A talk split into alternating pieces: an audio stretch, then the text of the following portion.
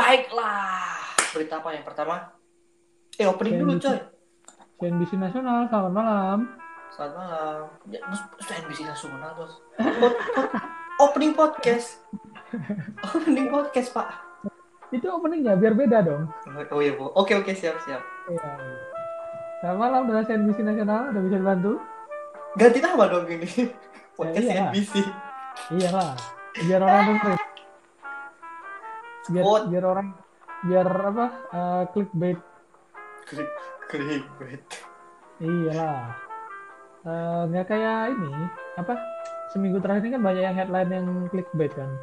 Yoi, Lumayan lah, AdSense everywhere. iyalah, lumayan lah.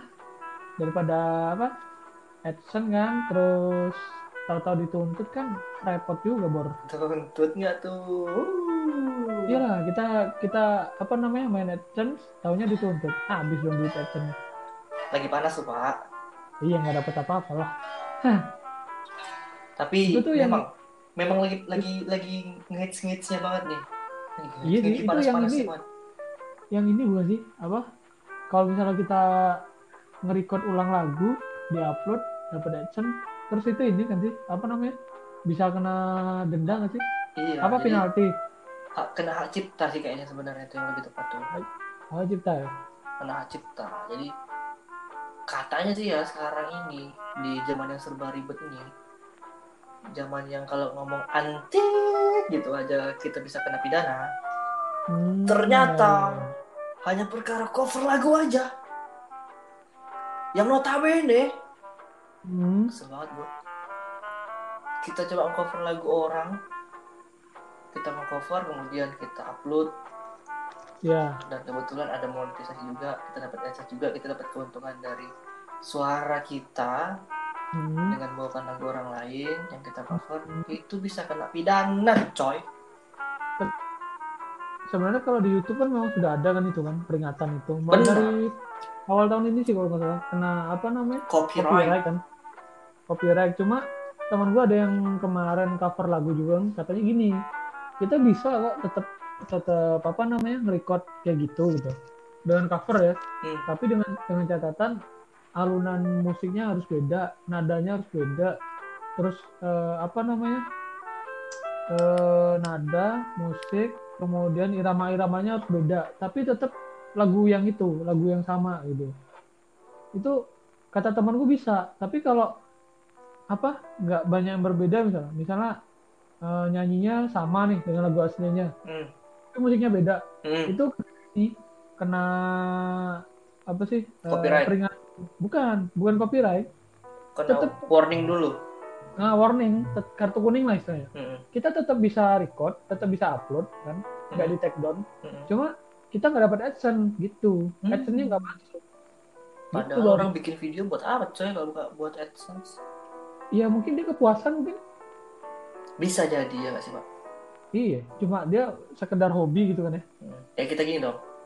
kita butuh ini sih butuh apa namanya sponsor apa sih namanya eh endorse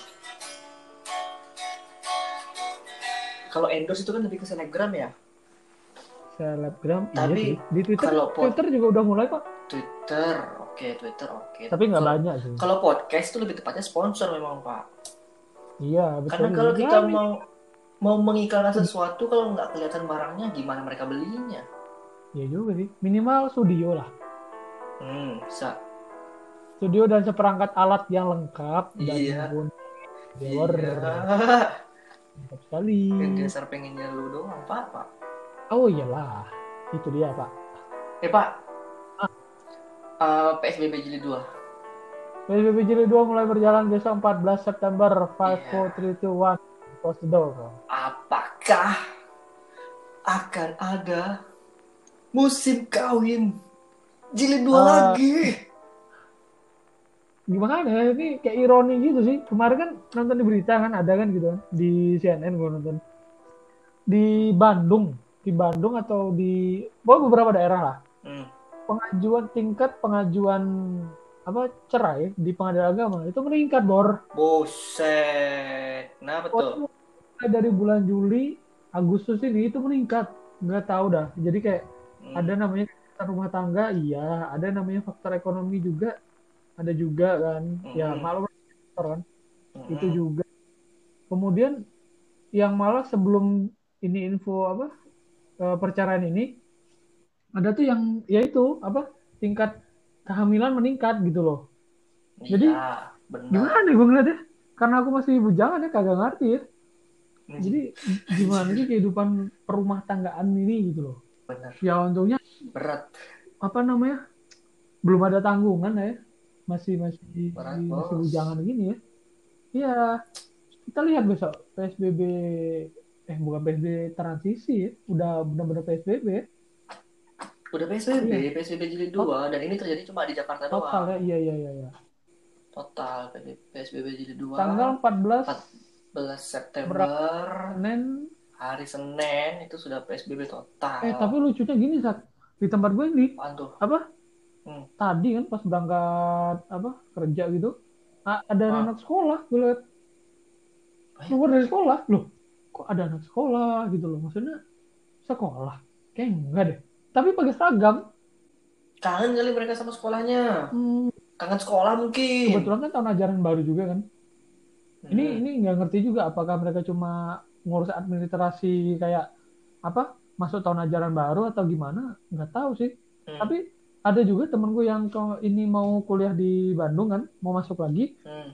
Hmm. balik lagi ke Bandung Iya sih teman beberapa temanku juga ada tuh yang kuliah di Jogja. Heeh. Ah, kebetulan lagi pada skripsi tesis gitu kan. Iya. Pada balik juga, nggak ngerti juga sih pada ngapain karena kan gue udah nggak kuliah lagi Iya, ya. kok kok bisa ya gitu ya sementara ini Nggak ngerti. ini lagi masa Apa memang mereka Apa? harus ketemu fisik langsung dengan pembimbingnya mungkin? oh, kayak nggak harus gitu lah tapi memang ini Atau ada yang diurus di TU? masa juga lagi tinggi tingginya kan Hmm. 3000 orang per hari stagnan. iya kok bisa ya Gila nggak otak ya. kalau gue kasih lima ribu Ngerti. kembalian dua ribu nggak ya Malian. Bisa buat beli pentol goreng. hmm. pentol sama ini sak apa namanya kalau di dulu di Eh. kampus kita kentang stik kentang Kentang. wih itu enak Stik kentang sekutu asli Wih. iya si mamang apa kabar ya Enggak ada Siapa lawan ya? itu. Iya ya omset omsetnya gimana ya? iya juga ya, masih jualan kayak gede-gede Lima, bu lima bulan. Iya. Gila. itu Batik setir jualan apa ya? yang teman-teman di Jogja tolong dong infonya yang sekitaran kampus Wade kampus 3 minta dong ya, anu, nomor HP mamangnya kangen ya. Mau itu mau online lupa. Hmm, kalau bisa minta bekunya kiloan yang ah, bekunya. iya kangen gue enak loh kentangnya Iya sih asli enak. dan aku bikin di sini gagal loh kok dia bisa ya Beda, jam terbang beda, resep beda, tahu tangannya juga beda. nggak tahu deh tapi kok beda sih kentangnya Tapi kalau makanan memang gitu pak, makanan tuh beda tangan, beda rasa. iya jadi Walaupun bumbunya Ah. sama nih ya, bumbunya sama, resepnya sama, cara masaknya sama, tapi kok tangannya beda tuh udah beda. rasanya belum tentu sama iya itu setuju sih Hmm, tuh, resep sama resep boleh sama tapi rasa belum tentu sama betul. Jadi eh, buat mungkin teman-teman sini dulu gue sering beliin sih teman-teman gitu kan, yang pada nitip gitu kan. Zaman dulu 2000 dapet sih, 2000 banyak gitu sih. Asli Iya, sekarang yang beli apa kabar ya? Ngerti. Karena kan udah lama banget nih, udah Iya juga. enam bulan ya setengah tahun kita kan WFH Eh, untuk yang apa? WF, untuk yang pelajar. Eh apa ulangi? WFH coy. 6 bulan. Iya enam bulan. Aduh gila, gue habis menghabiskan waktu 6 bulan di rumah doang. Wow. Lu kira gue kagak coy? Iya, ibarat kata kayak gini. Ada meme yang di mana di Twitter gitu kan. Januari dia melek, kemudian dia merem, pas buka mata tahu udah September. Hah? Aduh. enam bulan ke skip gak tuh? Iya kayak wah apa? Hah? Kayak nggak ngapa-ngapain deh. Anjir boros banget. Waktu gue ke mana enam bulan anjir? Iya. Wah. Hah? Udah September? Hah? Kayaknya belum ngapa-ngapain deh. Kayak masih Gila. dari kemarin sampai hari ini di sini aja deh, gitu kan? Iya, nggak ke mana-mana ya? Iya, maksudnya memang bener-bener stagnan banget kan di di di rumah lah mungkin ya. Mm-mm. Yang di rumah di rumah yang di keluar kota nggak bisa keluar kota gitu kan? Nggak asik. Yang LDR nggak bisa ketemuan. Eh, awah. Dor- yang mau nikah tapi jauh dipaksain iya iya yang mau nikah eh, apa persyaratannya jadi makin ribet ya yoi. Kemarin gue habis nganter temen gue nikah gitu harus ini nggak tuh? Harus pakai masker sama sarung tangan sekarang. Iya tuh foto nggak kelihatan coy Heeh, jadi buat yang di bagian apa namanya? Meja nikah gitu kan meja akad gitu. Hmm. semua mulai dari saksi penghulu mempelai dan lain sebagainya itu harus pakai masker dan sarung tangan. Oh gila. Ribet banget ya. Serasa di hidup di ini di zaman apa zaman dulu tuh apa? radiasi nuklir tuh loh. Oh iya tahu tahu. Yang di semua pakai pengaman pengaman gitu. kan mana? Chernobyl apa Rusia itu ya? Chernobyl iya iya Rusia. Iya itu dulu ya. Udah kayak gitu banget tuh. Satu gitu banget tuh. semua nggak tuh? Semua. Masih hidung ya kira-kira itu ya? semua bang. Ya, nggak tahu kalau itu bang. Nggak pernah ke sana iya pak masih. Eh pak btw ngobrolin soal nganterin temen nikah. Ini kan emang umur-umur yang ideal lah kata orang ideal lah ya Iya. buat umur-umur kayak sekitar kita gini ya 25, 26, 27 tuh nikah. Apakah itu termasuk dalam golongan nikah muda? enggak sih itu siapa sih mateng sih Oke. kalau buat laki-laki Ah. iya sih segitu pas sih kalau cewek kan pas. cewek itu start from dua-dua kalau nggak salah Biasa Dan sah-sah aja sih menurut dan apakah fenomena nikah muda ini ikut mendorong tingginya tingkat pernikahan di Indonesia? Apalagi pas pandemi nih kan hemat biaya. nikah Katanya. nikah muda ah nikah muda dua minggu yang lalu teman gue juga ada baru nikah tahu umurnya berapa Eh Berapa? 18 tahun baru lulus SMA kemarin ya cowok coy Buset.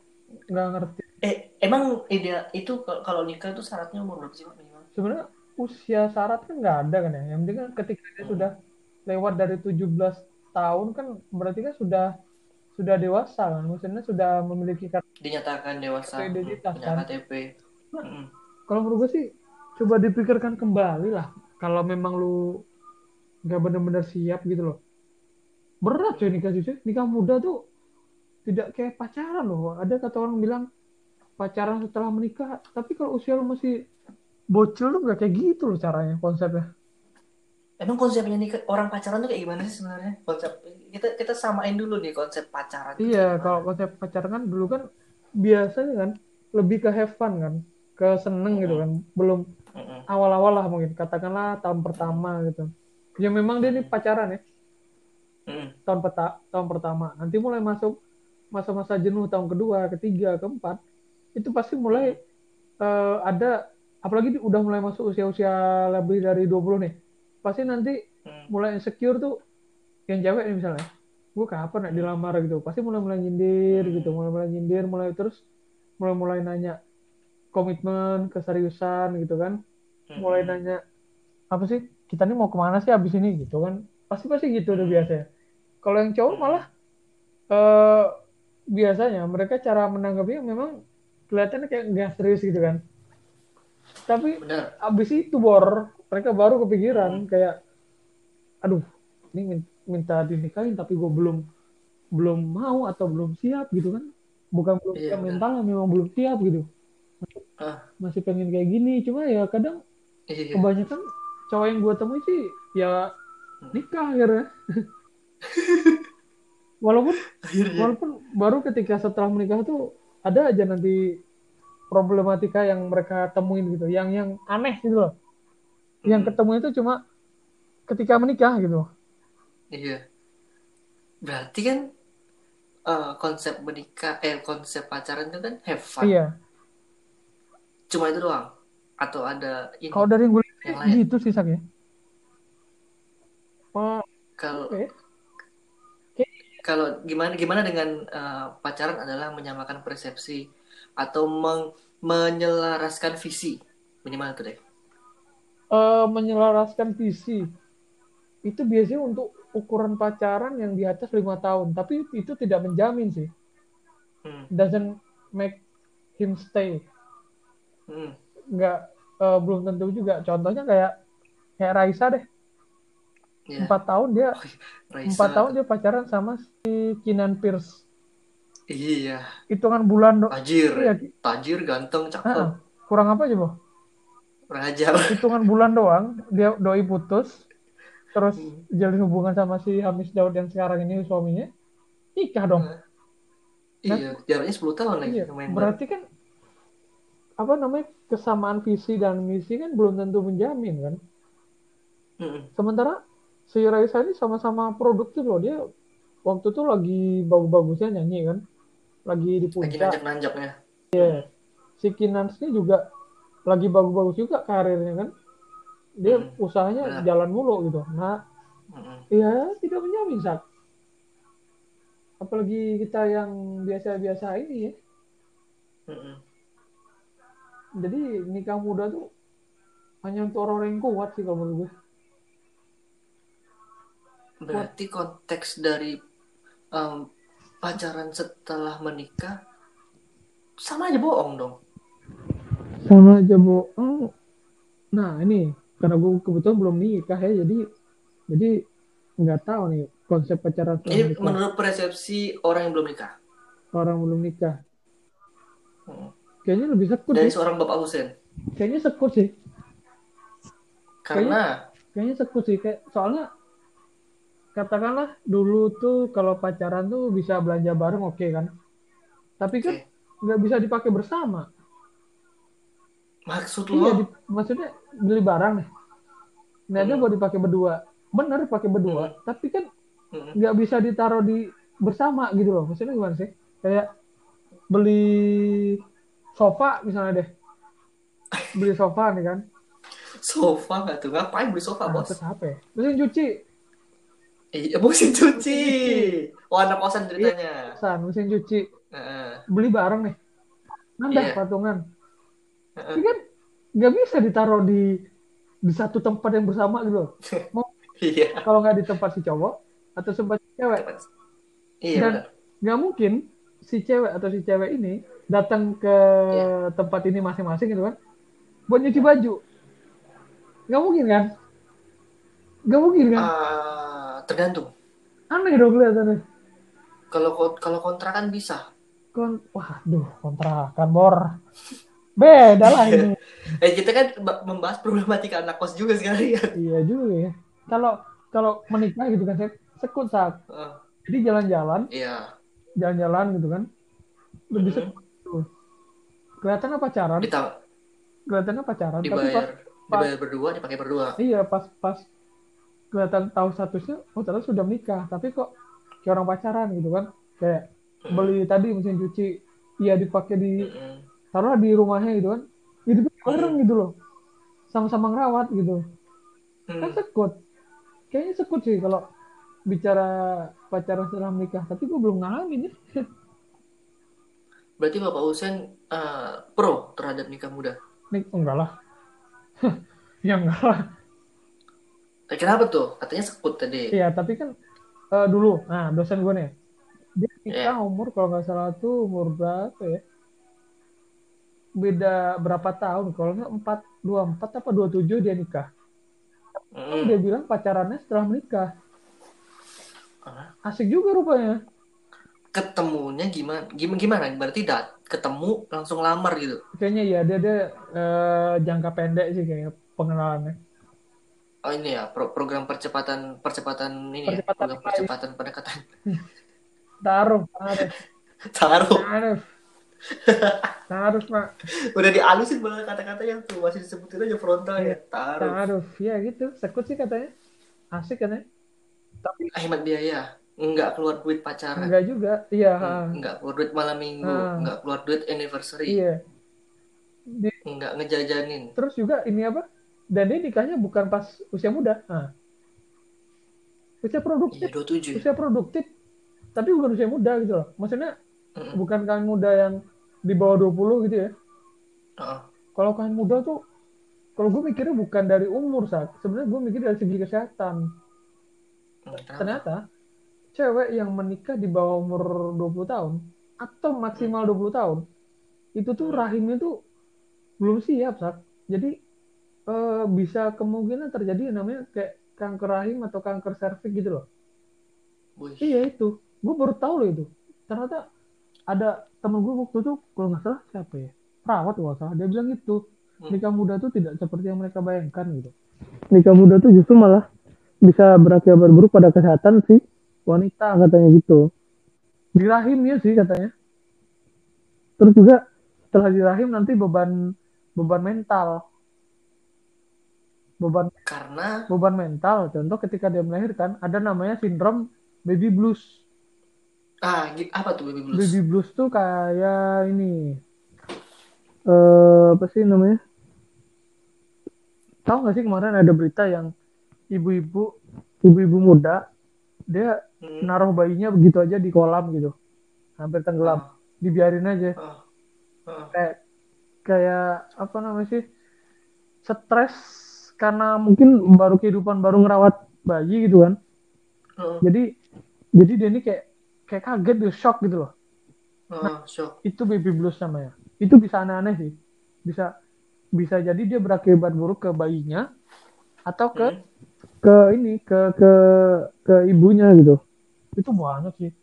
Dan itu bisa menimpa siapa aja sih. Perempuan pasti bakal kena sih katanya. Itu, itu pasti terjadi di setiap perempuan yang baru melahirkan berarti. katanya sih gitu iya sih kalau yang baru pertama kali katanya jadi itulah butuhnya pasangan katanya Oh, itulah peran pasangan berarti ya pada saat melahirkan peran suami iyalah peran suami. Berat juga jadi suami ya. Gitu malah bahas suaminya, Bos. iya katanya gini jadi peran suami itu penting sih buat support gitu kan yang yang susah itu adalah di keluarganya beban keluarga jadi kayak ada kan perempuan yang baru apa melahirkan? Kan Hmm. asi tuh. Hmm. ada loh satu hari dia belum tentu bisa mengeluarkan asinya gitu. Nah, terus? Bisa dua sampai tiga. Gimana dia menyusuinya? dua sampai tiga hari. Nah itu kadang ada mungkin tetangga atau keluarga gitu yang mengatakan gini wah masa udah eh, sehari nggak keluar asinya? Itu tuh kemarin si itu baru lahiran bisa udah bisa langsung asi nah itu bisa jadi beban mental loh gitu nah itulah Bully-bully. ya iya nah itulah namanya baby blues itu bisa langsung nyerang ke mental gitu Hmm, ngerti Ya. ngerti. Langsung ngefek ke mental. iya ke mental Kayak ini ya, kayak fobia berarti ya. Misalnya nih kita, bukan fobia stres ya jadi iya fobia kan juga stres pak. Tapi stres yang begitu parah Iya. sampai kepikiran terus gitu mental. Iya benar. Jadi ketika dia udah kepikiran kayak gitu, itu stres, nanti malah makin susah keluar asinya gitu loh. Oh. Jadinya nggak sehat. Mungkin keluarnya dikit lah atau atau apa eh, kurang baik lah gitu kan. Itu Hmm. pengaruhnya ke situ. Makanya harus dikasih aura positif terus gitu. Aura positif Iya, minimal suaminya nemenin lah gitu. Oh menemani itu sudah menjadi aura positif ya? iya, iya. Itu aku Ya bener sih bener-bener. pernah sih. Nggak cuma melahir, nggak cuma orang melahirkan coy. Kadang kalau kita lagi sulit aja, ada teman yang hadir datang. Cuma sekedar datang nanyain Iya. aja itu itu udah respect banget sebenarnya. Aura positifnya udah nyampe Iya lah, kita. kayak dulu gue pernah baca thread kayak gitu di Twitter gitu kan. Ternyata banyak yang respon loh. Dan ternyata peran pasangan tuh memang penting. Nah, ada satu perempuan yang komen situ, dia LDR. Hmm. Jadi suaminya kerja di kota ini, dia di sini tinggal sama Hmm. mertuanya atau orang tuanya gitu. Ya, Hmm. dia sendiri survive, stres ya. Walaupun ada orang tuanya yang ngebantu ya, tapi tapi Bentar, bentar, bentar. Berarti suaminya kerja jauh gitu ya ditinggal iya gitu ya? jauh ditinggal. Yang kebetulan Aduh. ketika nikah tuh, eh ketika melahirkan, Oh. suaminya tuh nggak ada gitu. nggak dapet cu- cuti mungkin Iya, gitu nggak ya. ada di tempat. Wih itu katanya itu beban sekali sih katanya gitu. Wih, gua, itu, gua kayak gitu, Pak. Hmm. Gua kan iya gitulah Nah, ya kerja kerjaan gua. kita kan nggak tahu kan yang namanya rezeki kan. Iya benar sih, siapa yang benar. tahu kan. Oke lah kita bawa istri kita ke ke tempat kita kerja gitu kan, ke kota kita kerja. Ah, Tapi kan jadinya kita sendiri gitu. iya, Sendiri. benar. Jadi kayak jauh dari keluarga gitu loh. Benar, benar. Kita butuh support system dari teman. Nah itulah. Kadang kita belum tahu kan teman ini apakah bakal positif atau negatif gitu loh. Iya, benar-benar. Itu nikah muda tuh berat sih. Mungkin belum nyampe kepikiran ke situ ya. Nikahan berarti nikah muda itu penuh dengan lotre. Iya. Kecuali kalau lu ini ya eh, apa Rafathar Hmm. mungkin bisa sih nikah muda sih Rafathar lahir cepet aja mobilnya Lamborghini bos. Enggak bor. Bukan gitu bor. Dia mau bangun kesiangan. Dia masa depannya tetap cerah. Beda bor. Bener. Beda bener. dengan era biasa Kayak ini. kalau kita bangun siang bangun siang udah. rezeki dipatok ayam. Udah kepikiran besok. Aduh besok gue gimana ya? Nah gitu. Iya. Asli. Jadi ya kalau itu tadi kalau lu macam Rafathar sih bebas sih. Mau nikah muda cuma ya jangan lah kok. Kalau gue jangan sih jangan sampai lah ya. Iya. Jangan deh. Apalagi eh, di negara kita ini kan prosesinya kan panjang Trad- ada adat juga iya tradisinya tuh kadang berat juga kan. Ada resepsi nggak cuma akad doang. Oke lah mungkin secara, secara agama akad doang kalau bang muslim yang yang non kan mungkin ada upacara-upacaranya sendiri. Iya. tapi yang namanya resepsi itu nggak peduli lu suku apa nggak peduli lu agamanya ya apa. pasti diundang di Indonesia iya harus ada tuh minimal ngundang tetangga minimal. Dan itu biayanya nggak sedikit. Iya kalau sekarang ya gitu sih. Jadi kadang nih kita kan nggak tahu. Ketika Hmm. dia nikah muda bisa aja ketika dia baru dia tuh baru dapet kerja gitu loh. Baru bener. baru ba- Bener. bagus banget katakanlah gitu kerjanya kan. Mm-mm. Mm-mm. nikah. Ya Mm-mm. baru kerja gitu kan masa sih dia secepat itu bisa langsung ngumpulin dana buat nikah gitu kan? Aduh gila kayaknya nggak mungkin dah pikir begitu kan? Kecuali dia setahun gitu memang bener-bener nabung gitu kan? Buset Hmm. kayaknya apaan? Nggak pakai nongkrong gitu. Makanya nggak mungkin mustahil banget. Wah gila sih pikir gue zaman sekarang. Minimal kalau lu kalau lu nggak habis jajan ya habis buat di kuota sih paling. Ben- iya minimal lah. Kalau ada wifi pun paling buat jajan-jajan hobi lu lah. Pasti lah pasti lah ya kalau yang hobi makan makan beli makanan. Kalau ada yang hobi hobi apa gitu. Iya. hobi koleksi koleksi apa dibeli mulu. Nah itu dia. Jadi nggak nggak mungkin. berat sih kayaknya. Jadi nikah Iya. nikah muda tuh jangan sampai jadi beban juga sih setelahnya. Bener mending ya kalau misalnya mau bagusin karir ya bagusin dulu lah. Nggak bisa barengan ya? Barengan maksudnya barengan dengan apa nih iya barengan barengan antara nikahnya sama naikin karirnya naikin karirnya ya itu tadi lah di usia yang benar-benar siap lah usia matang lah bukan usia muda juga sama ini pak kalau misalnya kita baru mulai-mulai kerja juga kan Hmm? Nah, kebetulan kita dapat ini dari sisi pria ya.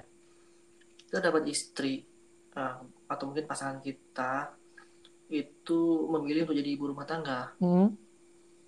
Bakalan berat banget gak sih buat memulai sebuah keluarga dengan satu pintu kan namanya kalau kayak gitu. iya ha. ada yang bilang gini rezeki kan sudah diatur gitu kan apalagi kalau kita Iya. udah nikah itu pasti bakal ada aja jalannya gitu kan Iya. emang tidak tidak lebih tapi pasti bakal tercukupi gitu cuma Iya. kalau untuk di zaman sekarang ini apalagi sekarang masa pandemi kan ya Hmm. kayaknya jangan deh sebisa mungkin kalau bisa sama-sama berkarir lah gitu ya walaupun sama-sama bagus sih mau mau Iya. mau dia istri niatnya ngebantu suami buat keluarga ataupun Mm-mm. sepenuhnya jadi ibu rumah tangga ya bagus ya sama bagus sih positif gitu loh Mm-mm. nggak nggak nggak ada salahnya gitu kalau dari gue sendiri sih ya cari yang sama-sama ada pemasukan juga lah Kalau dari segi Bapak Husin, ah oke lah prefer yang mana nih? ya yang inilah yang berkarir lah Karena karena ya ntar kan kita kan punya penghasilan kan juga buat anak juga kan iya. Ya itulah ya bisa aja misalnya gue punya penghasilan nih gue Hmm. eh, buat bayar cicilan rumah misalnya Hmm. nah yang nanti yang buat biaya sekolah dari istri gitu iya kan Mm. sebuah kombinasi yang right Iya. begitu Tapi kalau kalau ente tiba-tiba dapat komentar nih, apa tuh lah kan yang tugasnya Nyarnava itu kan suami. It- Nah, terus ah. kalau kemudian ada lagi nih yang nyangkal nih. Lalu kalau ngerasa nggak sanggup ya jangan nikah dulu dong. Gimana Bapak Usen? itu kan biasanya kan eh ah itulah. Kalau gue sih udah bisa filter sih bagi gue itu adalah omongan negatif. Ya, dan itu tidak ada pengaruhnya ke kehidupan gue. Jadi nggak bakal gue dengerin biasanya. Negative comment will be forgiven. yes. Jadi iya nggak ada pengaruhnya sak. Hmm. jadi gimana ya? Didengerin pun nggak baik. Nggak didengerin pun ya ya lu tetap kerja juga kan? Iya. iya kan kehidupan lu. Iya benar. gue sih gitu sih. Maksudnya nah ini tadi balik lagi. Ketika yang ngomong kayak gitu Rafathar nah mungkin baru gue gitu sih. Tapi nggak mungkin lah kayak. Avatar. eh iya selagi selagi itu tuh baik kan kalau yang penting Mm-mm. baik buat buat keluarga gue sendiri ya halal gitu kan Iya dan gak repotin orang lain apalagi orang lain ini tidak berkontribusi ke dalam hidup saya Mm. lau sokap iya sih kalau gue itu sih. Ngapain urusin gua gitu ya? iya contoh lah kayak makan sama lu. contoh lah kayak sekarang kan yang sering nanya nikah nikah iya lu siapa bor gitu Iya, iya. kontribusi lu apa ke kehidupan aneh ya gitu sih Lu harap banget lu diundang sama kita gitu ya. Iya yakin lu bakal gue undang gitu kan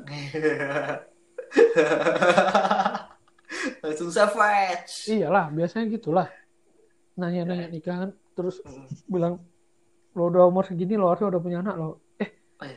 tunggu dulu ente siapa bor Iya. Perkara bikin anak aja lu ngatur ya.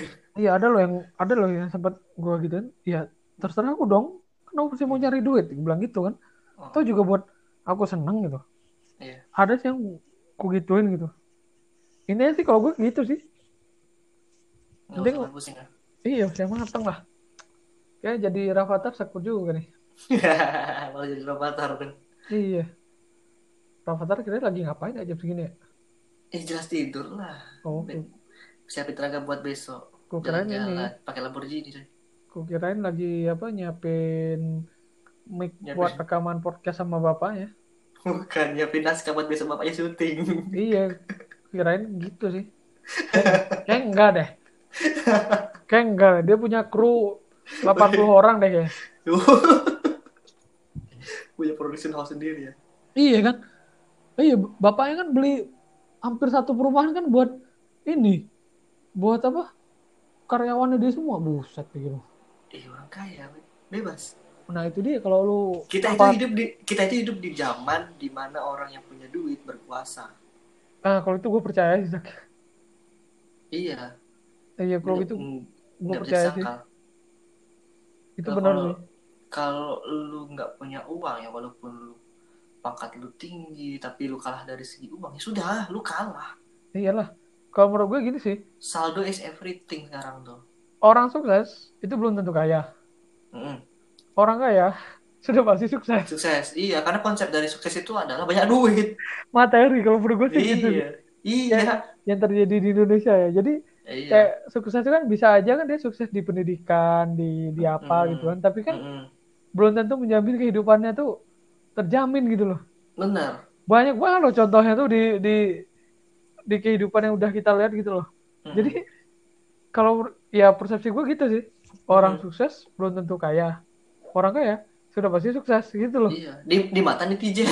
iya kayaknya berhasil aja gitu loh iya, ya mau kayak gimana. Pokoknya kalau udah bisa menghasilkan duit banyak, ya berarti lu sukses. Mm-mm. sekut Bukan. banget ya Iya, tidak tidak peduli bagaimana depresinya lu. Ya kayak orang-orang kita sebut negara inilah, negara drakor lah ya. drakor oke lah kor Banyak banget kan yang bunuh diri usia muda tuh. Oh ya nah itulah quarter life crisis nih, kurang apa coba? Duit ada. Kesuksesan digenggam. ternyata tidak menjamin dia bahagia Popularitas tinggi. Iya, bunuh diri tuh. Itulah. Sebabnya apa?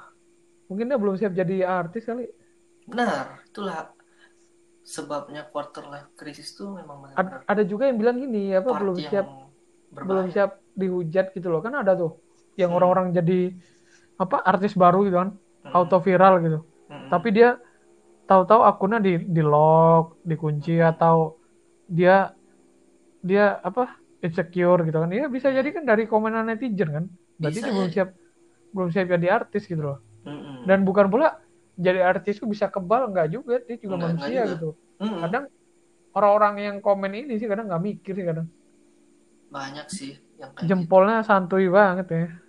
eh kayak jempolnya harus diundang-undangin ya eh udah diundang-undangin Iya. dong ya udah dong kan ada udah udah apa ITE apa ITE apa sekali lagi ITE Apa itu ITE? Waduh, ini ini kerekam nih. Ini mata-mata di mana-mana nih. Ada suara tukang bakso depan tuh. Ding ding ding ding ding. Iya. Ntar keluar aja di di di apa di buka media sosial gitu atau ada Iya. berita undang-undang ITE itu. Pasti keluar ntar. Iya. Iya. Iya mata-mata nih bahaya loh nih sekarang nih. Oh, Kayak iya benar-benar. Gue gue akuin. diawasi loh. Gue udah bukan mengakui kalau teknologi zaman sekarang tuh udah canggih enggak sih. Lebih dari itu sih kayaknya. Ah, iya teknologi sekarang itu merenggut privasi kalau menurut gue. Iya, kayak kemarin kan aku kan habis ngobrolin ini eh F1, ngobrolin Shane Gelael sama temanku. Mm-mm. Temanku ini buka video YouTube tentang Shane Gelael. Mm-mm. Gue nggak tahu videonya kapan, tapi gue nonton bareng. HP gue yang ini yang gue pakai sekarang nih Hmm. mati. Gue hidupin, gue buka YouTube, keluar dong paling atas Shane Gelael.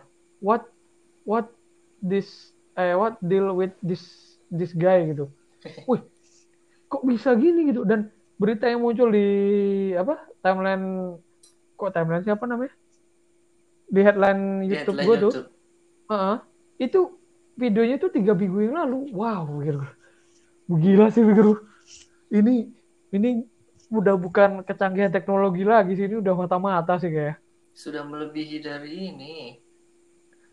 FBI, FBI udah lewat sih sekarang tuh. benar-benar diawasin Dulu kita nonton di TV-TV doang main kayak gitu kan. iya oke HP gue ini mati loh posisinya nih lagi Hmm. di cas gue lagi nonton video itu di HP temen gue kan Hmm. tahu-tahu pas aku buka YouTube lagi wih Hmm. nomor satu wow hati-hati kalian kalau bicara ya bisa jadi apa yang kalian omongkan itu didengar dan nanti kalian hilang Nah, itu. Padahal podcast kita ini adalah wadah kita untuk eh, berpendapat ya nggak, Pak?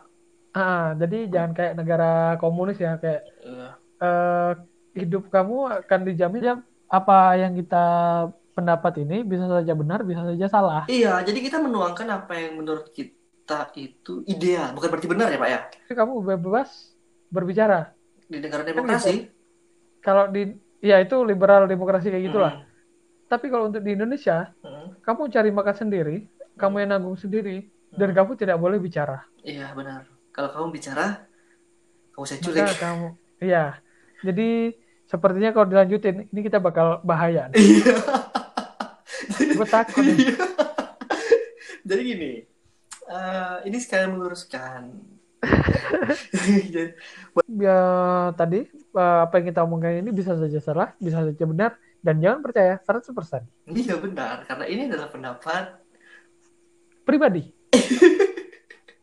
Gue takut salah ngomong sumpah. Eh, iya aduh ngeri nih mending udahan deh sak Iya, Udahan. mending udahan deh udah dulu aja ini kita udah terlalu Iya. jauh dari konteks pertama. iya yoi Ya Oke, jangan lupa dengerin podcast kita setiap Sabtu malam jam 8 malam di Iya. podcast ngopi ya. Ya ngobrol sambil Teman-teman. ngopi bareng Husen dan Saka. Dan Saka, yoi, selamat malam dan sampai jumpa di minggu depan. Kalau ketemu.